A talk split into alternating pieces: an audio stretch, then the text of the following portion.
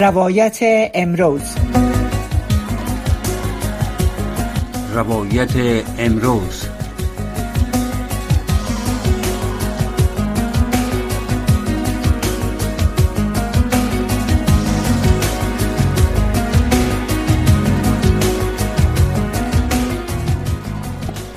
سلام شنونده های گرامی.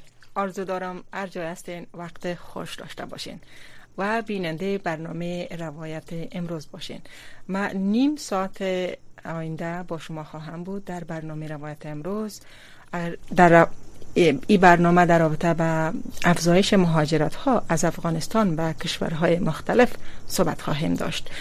اگرچه مهاجرت ها از افغانستان و کشورهای جهان از حدود بیش از ده چهار دهه افزایش یافته بود و وجود داشت و جریان داشت اما به اساس یک گزارش تازه اداره مهاجرت اتحادیه اروپا افغان ها متقاضیان مهاجرت از افغانستان به اروپا تنها در نیمه اول سال 2023 به بیش از نیم میلیون نفر رسیده و افغان ها بعد از سوری ها دومین بزرگترین متقاضیان پناهندگی به اتحادیه اروپا هستند البته تنها به اتحادیه اروپا. که این در نوع خود اولین بار است چنین گزارش نشر شده. در این برنامه در رابطه به دلایل افزایش مهاجرت و همچنانی که متقاضیان مهاجرت به اروپا چقدر چانس دارن چانس پذیرش دارن. در این مورد با محترم احمد راتب فقیری آگاه امور مهاجرت که از اروپا با ما هستن صحبت می‌کنیم. آقای فقیری همکار ما میگن در خط هستین. خوش آمدین به برنامه. تشکر. زنده باشین. تشکر از دعوت شما و ما به شما و شنونده های عزیز شما و همکارایتان سلام تقدیم می‌کنم. ممنون شما. ممنون از وقتتان و از حضورتان در برنامه. خب گزارش شما گاهی دارین اگر شروع کنیم از گزارشی که اداره مهاجرت اتحادیه اروپا نشر کرده افغان ها بعد از سوری ها در جایگاه دوم قرار گرفتن که بیشترین تقاضای مهاجرت به اروپا را می‌کنن. نخست اگر کمی بگوین دلیل از چی می‌تونه باشه؟ دلیل افزایش تعداد درخواست های پرندگی توسط مهاجرین که از افغانستان هستند معمولا وابستگی داره به چگونگی شرایط سیاسی اجتماعی و اقتصادی در داخل افغانستان. قبل از اینکه سوریه و عراق در اونجا جنگ و اینا شروع شود. افغانستان در دوره های مثلا رژیم خلق پرچم در سالهای 90 و همچنان دوران اول طالبا در رده اول قرار داشتین بیشترین تعداد پناهنده در جهان از افغانستان بود. اما در رابطه با اروپا هم در چند سال آخر بعد سوریه همی مقام دومه داشته ولی تعداد نیم میلیونه که در این سال داخل شده ای کاملا به سبقه است و علت از این باید جستجو کنیم در بوران اقتصادی اجتماعی و بخصوص حقوق بشری که در افغانستان موجود است. به طور مثال فقر بیداد می‌کنه. طالبا باعث حاکمای از این کشور ایش نوع توجهی به ای که مشکلات بین المللی مثلا حل کنن. با کشورهای دیگه تا هم سرمایه گذاری در پروژه انکشافی افغانستان زیاد شود و هم کمک های بشری به افغانستان سرازده شود اونا به این توجهی ندارن. وقت فخر زیاد شد وقت اقتصاد چرخی اقتصاد کاملا از حرکت بانه. در اون صورت مردم از بیکاری و فقر مجبور به ترک کشور میشن. البته این صرف یکی از دلایل است.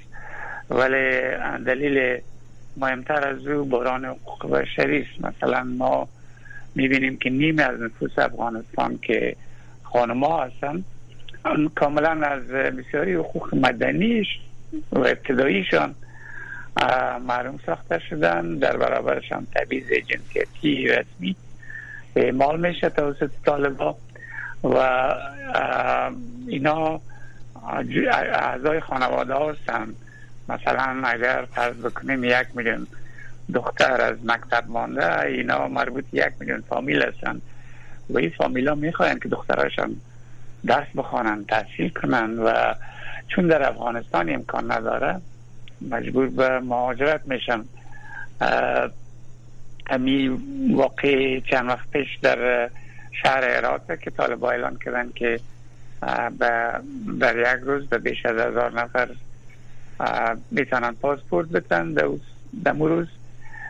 بیش از بیست هزار نفر در امون منطقه که دفتر پاسپورت طالبا بود هجوم آوردن و می‌خواستن پاسپورت بگیرنی اشتیاق را نشان میده که مردم دارن بر برآمدن از افغانستان. و علتش چیست؟ کشور خود معلومدار دوست دارن. اینا می‌خواین با فامیلای خود با قارب خود اونجا باشن. ولی بخصوص امی شرایط بران حقوق بشری و بران بشر دوستانی که در افغانستان وجود داره باعث شده که تشکر می‌کنم. فقیری سب شما گفتین که البته قبل از جنگ عراق سوریه افغانستان اول بود در رده کسانی که مهاجر بیشترین مهاجرت را در دنیا داشت. حالا تنها گزارش از اتحادیه اروپا نشر شده. اگر شما دیگه گزارش ها از دیگه کشورها را داشته باشین کانادا امریکا دیگه کشورها و همچنان پاکستان ایران کشورهای آسیای میانه شما فکر می‌کنین هنوزم افغانستان از نظر تعداد نفوس که با مهاجرت رفتن افغانستان ترک کردن باز هم بیشتر باشه اول باشه افغانستان در کجاست از نگاه عمومی؟ با نظر البته کانادا و امریکا کشورهایی است که اونا زیادتر از طریق مهاجرت میپذیرن. ولی از سقوط رژیم قبلی به ایسو اونا هم تعداد زیاد از طریق تخلیه بردن. مثلا تنها بیش از چل هزار افغان تنها توسط کشورهای اتحادیه اروپا تخلیه شده تا بال کانادا هم کانادا و امریکا به تعداد بسیار بیشتر شاید به چند از مقدار اونا هم تخلیه کردن و بردن در مقصد امریکا. از در بیشتر از ست هزار. افغان تخلیه شدن. اینال یک قسمت دیگه از اونا هنوز مانده.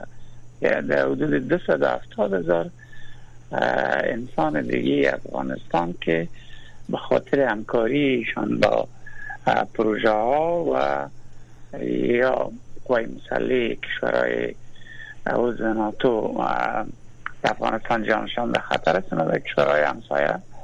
و یا در بعضی جایات داخل افغانستان. خود هستن و منتظر از که کارشان بالاخره یک طرفه شو اینا بتانن تخلیه شوند و انتقال داده شوند. در کشورهای که اینا با اونا همکاری کردن. همچنان در منطقه ما در پاکستان ایران بیشترین افغان ها بیشترین تعداد پناهنده اونجا دارن.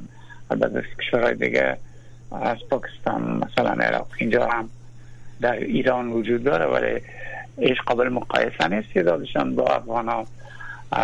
و همی انتقال قدرت یا به طالبا این باعث ازی شد که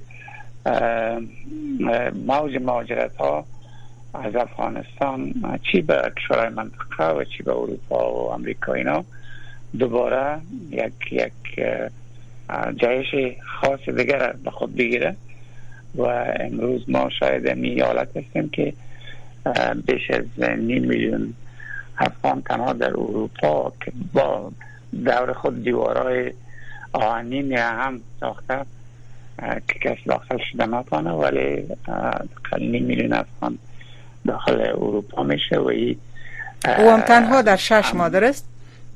بله تنها در شش ماه ای تنها در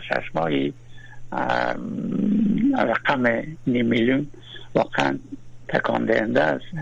ای نه تنها یک بوران برای کشورهای اروپایی که سیستم پناهندگیشان توانایی جذب تعداد زیاد نداره به وجود میاره. بلکه برای خود افغانستان هم بوران قرار مغزا بله. باعث میشه چون اونجا تحصیل کرده های ما از فن کرده بله. افغانستان میاین مخصوصا به اروپا که میاین اکثرشان هم مردم خب شما گفتین اروپا دور خود دیوارهای آهنین کشیده. به خاطر که نمی‌خواه مهاجرین زیاد ظرفیت شما شاید نداشته باشه که مثلا در شش ماه نیم میلیون مهاجر به کشورهای اروپایی وارد شوه. از این خاطر باز هم با این مشکل داخل اروپا نیم میلیون نفر در شش ماه شده که حتی اگر رفتن راه ها را باز بگیریم که مثلا راه های اروپا چقدر با مشکلات و با خطر افغان ها چقدر به جان خطر میپذیرن یعنی که تا اروپا خودم میرسانن راه ها هم کمتر از دیوارهای آهنین یا مو هفت خانه رستم نیست که اینا تا خود به اروپا می‌رسن امی به می اصطلاحی است که از هفت خانه رستم بگذرن. البته بعد بله. از اینکه مهاجرین می‌رسن به اروپا پناهندگان اینا چقدر شانس قبولی دارن در اروپا افغان هایی که خصوصا تا دو سال گذشته که به اروپا آمدن اینا چقدر شانس دارن که قبول شوند خب یک مسئله هست که کشورهای اروپایی اینا رو نمی‌تونه پس روان کنن به افغانستان چون که مخصوصا حالا که طالبا هم به رسمیت شناخته نمیشه و گزارشات ملل متحد و گزارشات سازمان های جهانی حقوق بشر در موردشان فوق العاده منفی است. کشورها نمی‌تونن اونا رو بفرسته دوباره ولی کوشششان به است که موانع خلق کنن و به طریق برتن قبولی ده مثلا افغان که خودشان به کار خود حرکت می‌کنن میاین به طرف اروپا و داخل میشن. اونا باید حداقل یک و نیم سال منتظر ازی باشن که نوبتشان برسه برای اینترویو با مقامات میگریشن و شاید بیشتر از دو سال در بر بگیره تا زمانی که اونا قبول میشن و یک پناه می‌تونن به دست بیارن. ای هم به کشورهای داخل قاره اروپا است. مثلا کشورهای مثلا انگلستان که مربوط به اتحادیه اروپا نیست شرایط به اونجا بسیار, بسیار بدتر است از اینجا که و بعضی کشورها مثلا بلژیم در اواخر فیصله کرده که چون ما جای سرپناه به اندازه کافی برای همه پناهجویان نداریم. پناهجوی های جوان و مرد اینا باید مقصدشان از مجرد است اینا برشان دیگه سرپناه داده نمیشه به می ترتیب بسیار به صدها و هزارها جوان افغان هم مجبور شدن که در سر سرک به استشن ریل و غیره جایا برای خود یک سرپناه جستجو کنن و خب رات فقیری سب یعنی قبولی به این معناست که اینا صاحب شلتر میشن اما پیش از اینکه قبول شون اینا کجا می باشن دولت برای اینا هیچ امکاناتی نمیته مجبور هستن خود مسئولیت زندگی خود جای خود داشته باشن؟ بله بله در بلژیم کاملا همونطور است بلژیم کاملا همونطور است مثلا در کشور هالند پلیسی بگیره در پیش. گرفته بودن که البته حال کابینه فعلا کابینه سرپرست شدن. ولی قرار بود که بعد از یک فرد مثلا پدر اینجا میای قبول میشه نتونه فامیل خود برای یک کنی ملا دو سال دیگه درخواست بر آمدن فامیل خود کنم. خب فرض کنیم اولی که میایه در قبول خودش حداقل دو سال کار است. بعد از باید دو سال دیگه هم صبر می‌کرد تا ای که می‌تونست درخواست کنه بر آمدن اعضای فامیل خود. و این واقعا ظالمانه است و باعث از میشه که امراض روانی و تکالیف جسمی و غیره برای می کسایی که مثلا چهار سال پنج سال کمپا بدون فامیل و بدون سرنوشت زندگی می‌کنن. برشان به وجود بیه شما از مجردین و فامیل ها گفتین با در نظر داشت قیودات و موانعی که در راه تحصیل و کار زنان در افغانستان است در دو سال گذشته بیشتر پناهنده ها یا پناهجویان که وارد اروپا شده فامیل هستند زنان هستند مردان هستند کیا هستند بیشتر فامیل هستند ولی تعداد مجردا مخصوص کسایی که سنشان از 18 پایان است هم بسیار زیاد است. اینا هم فیصدی زیاد را تشکیل میتن به خاطر از که اکثرا فامیلا مثلا اگر امی یک نفر که خودسال است و بدون امرایی اعضای فامیل خود یعنی تنها به اروپا آمده اگر پذیرفته شد می‌تونه تمام مثلا پدر مادر و بارا و برادرهای خود که از 18 سال سنشان پایان باشه اونا رو بخواین و از امی چانس بسیار فامیلا استفاده می‌کنن. یک جوان روان می‌کنن میگن برو تو کوشش بکو قبول شوی و بعد از ما رو بخواهیم و به می خاطر تعداد از اینا بسیار زیاد شده. من بخصوص بلژیم کشور است که از این شکایاتش چند سه سال پیشم بلند بود ولی حال اینا را بری سرک کشیده و میگه همی جوانایی که زیر سن 18 سال هستن هم که وقتی می‌رسن به اروپا مسئولیت از اینا را حکومت می‌گیره یا نه؟ چون اینا به حساب طفل گفته میشن طبق قانون جهانی. بله حکومت مکلف است که مسئولیت از اینا را بگیرن اینا جابجا جا می‌کنن در مراکز بودو باش. و مثلا بعد شش ماه هفت ماه باز می‌تونن که مکتب برن یا یک کورس زبان اینا رو تحقیق کنن.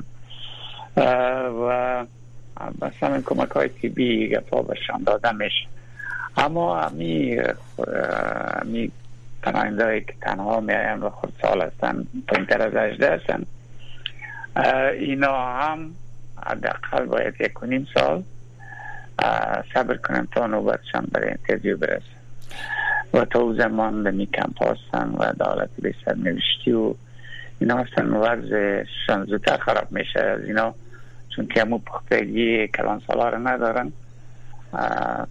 تواناییشان برای تعمل همین و مشکلات هم کمتر است. و با در نظر داشت از این که تعداد زیادی با اروپا میان و ای که طالبا میگن حالا افغانستان امنیت است امنیت برقرار شده و بعضی نماینده ها هم از کشورهای اروپایی که از افغانستان دیدن می‌کنن میان خوشبینی نشان میتن در رابطه با امنیت. حالا شما گفتین قوانین سخت گیرانه تر شده در اروپا به خاطر از یکی اینا گنجایش پذیرش ندارن. خب میارها چیست بر افغان هایی که باید پذیرفته شوند؟ اینا با چه معیارها با می سردرگمی ها می‌تونن با در نظر داشت اعلانات مکرر طالبا که افغانستان امن است و همچنان قوانینی که سخت گیرانه تر شدن میره در اروپا. همه روز شما چی فکر می‌کنین؟ قوانین چطور است؟ معیارها چیست که اینا قبول شوند میارها در قسمت میارها ما دو چی داریم. دو نوع میارها با کار برده میشه. یکی در رابطه با کسایی که همکاری کردن با پروژه ها یا قوای نظامی کشورهای ناتو. برای از اونا میار اساسی است که بتانن ثابت کنن که کار کردن برای نیرو و در پالوش بتانن نشان بتن که در خطر بودن به خاطر این کار خود. برای از اینا همین دو میار است ولی در کسایی که به کار خود میاین میارا سخت گیرانه تر است. اینا باید ثابت کنند که مطابق به یکی از بندهای ماده یک کنوانسیون ژنو اینا مستحق پناهندگی میشن. کو مسئله تعقیب عدلی تحت تعقیب عدلی قرار گرفتن به خاطر عقاید سیاسی یا مذهبی و یا رابطه با یک مربوط بودن به یکی از نژادهای تحت تم و اینا می باشه. که این نوع میارها باید مثلا فرد باید مستند و یا با دلایل بسیار مقنع اداره امیگریشن همون کشور قانع بسازه که واقعا جانش به خطر بوده و اگر نام برآمد کشته می‌شد و اگر پس برم از بین میرم. این کار ساده نیست این کار مشکل است. بعضی از وطندارای ما فکر می‌کنن که چون که اوضاع در افغانستان به تمام جهان معلوم است پس که ما بریم در کشور اروپایی ما پذیرفته میشیم. اوتو نیست یک اشتباه به خاطر از که شرایط عمومی یک کشور نمی‌تونه که باید از شود که افراد از او کشور صرف خاطر تعلق با او کشور قبول شوند اروپا. البته کشورهای هست مثلا سوریه. سوریه را اروپا باید کشور ناام رسما قبول کردن به این خاطر افرادی که از سوریه میاین اونا از یک طرف اخراج نمیشن از طرف دیگه. به خاطر مشکل عمومی هم برشان اجازه نامه اقامت موقتی برای چند سال سه سال یا پنج سال هم داده میشه سوریه یا اوکراین مثلا شاید؟ بله اوکراین کاملا و یکی خاص دارم اونا رو باید میمان پذیرفتن و در خانه و اینا برشان جای دادش و اونا مثلا در کاریابی اینا هیچ مشکل در برابرشان نیست. می‌تونن که براندازن کار بپالن کار پیدا کنن و شروع کنن به کار. در حالی که در رابطه با دیگه تناجویا مثلا افغان ها شرقیوت داره. باید دقل یک شش ماه یک سال باید تیر کنن که باز باز برشان یک شماره مالیاتی داده شد باز باز زونا بتانن که کار بکنن تشکر می‌کنم. البته به ختم پروگرام یک چهار دقیقه دیگه داریم. اگر از اروپا بریم به کانادا. کانادا با پاکستان توافق کرده که حدودا 6000 افغان به کانادا اعزام شود شما گفته می‌تونین که چرا توافقات با پاکستان صورت می‌گیره به خاطر اعزام افغان ها به کانادا؟ این قرارداد به خاطر از با پاکستان صورت گرفته که وطن امی وطن ما کسایی که باید تخلیه شوند اینا در داخل افغانستان هم امکان وجود نداشت که پروازهای بین المللی از اونجا وجود نداره. شاید دلایل مختلف داشته باشه از جمله تحریم و اینا. ای و در ضمن موانعی که طالبا خودشان خلق می‌کنن. به خاطر تخلیه این پروگرام های تخلیه معمولا یا از پاکستان صورت می‌گیره یا از امارات متحده عربی. و مثلا در گذشته با امارات متحده عربی هم کانادا قرارداد امضا کرد که هزار پناهجوی افغان انتقال به تسهیل کنه انتقالشان به کانادا. و ای بار هم قرارداد با پاکستان شده. خاطر از این با کمک پاکستان کانادا نیاز داره که همین شش هزار نفر اگرچه با ویزه قانونی و پاسپورت آمدن اما ویزهشان پوره شده و اینا باز پوره شدن ویزه اگر چه درخواست هم کردن اما ویزهشان تمدید نشده سر از اینجا ماندن. هر کدام از یا گریمه شده توسط دولت پاکستان. پاکستان. و حتی یک تعدادشان زندانی شدن یک تعدادشان دیپورت شدن پس به افغانستان.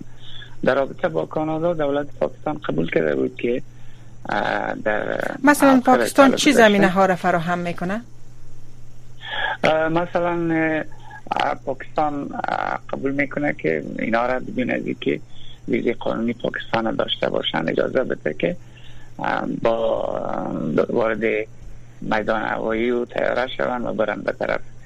در ضمن جریمهشان دولت کانادا می‌پردازه او هم حل فصل میشه.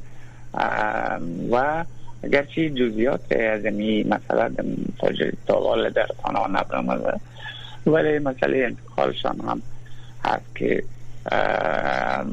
پاکستان از او نفهمید. برای مثلا اگر از تیارات پیایی استفاده شد برای انتقال از اینا یک مقدار زیاد پول به کیسه دولت پاکستان که در حال افلاس اقتصادی هم هست ریخته میشه. و این به نفع افغان های اونجا منتظر ماندن تمام میشه. اما پاکستان هم متاسفانه مثل که همیشه از پولی افغان ها نفع برده ای هم می‌بره شما فکر می‌کنین پروسه شفاف باشه؟ مثلا در پروسه تخلیه و پروسه همچنینی تعدادی که مستحق نبودن رفتن. میشه که مثلا به جای افغان یک کسی دیگه از پاکستان معرفی و بسیار گرفتن ویزا و پاسپورت افغانستان پاسپورت افغانستان هم شاید برای یک تعداد زمینش میسر باشه. شما فکر می‌کنین چنین چیزی؟ نه نه من فکر نمی‌کنم به خاطر از که امی این بخش کار مربوط دولت پاکستان نیست. خود دولت کانادا تحقیقات خود کرده در ضمن مصاحبه از نزدیک سازمان بین المللی مهاجرت ام با افغان می‌کنه و این پروسه را ام تکمیل می‌کنن. به دست دولت پاکستان نیست. اما شفاف برای شفاف بودن ازی برای تثبیتش. هیچ نوع تضمین وجود نداره مثل که در گذشته سوی استفاده شده یک تعدادی که مستحق نبودن و اولین گروپ ها تخلیه شدن از افغانستان. و آدم های مستحق و آدم های که واقعا کار کرده بودن و خطر متوجه شدن امروز یا در پاکستان ایران و یا در داخل افغانستان. Э, марксистен. بسیار زیاد تشکر می‌کنم از شما محترم احمد. راتب فقیری که به برنامه بودین با ما صحبت کردین در رابطه با وضعیت مهاجرین در اروپا و همچنان یک اشاره داشتین به وضعیت مهاجرین که قرار است برن به کانادا و 6000 مهاجر.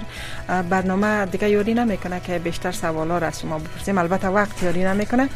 از شما خداحافظی می‌کنم. تشکر از شما. وقت خوش داشته باشین. و همچنان از بیننده ها و شنونده های گرامی سپاسگزار هستیم که برنامه را جنبال کردن دیدن و شنیدن. برنامه بعدی برنامه صدای شما همکارانم میزبانتان خواهند بود. به برنامه زنگ بزنین نظریات پیشنهادات و سوالاتتان مطرح کنین. از طرف ما فوزی ایسان وقت خوش داشته باشین.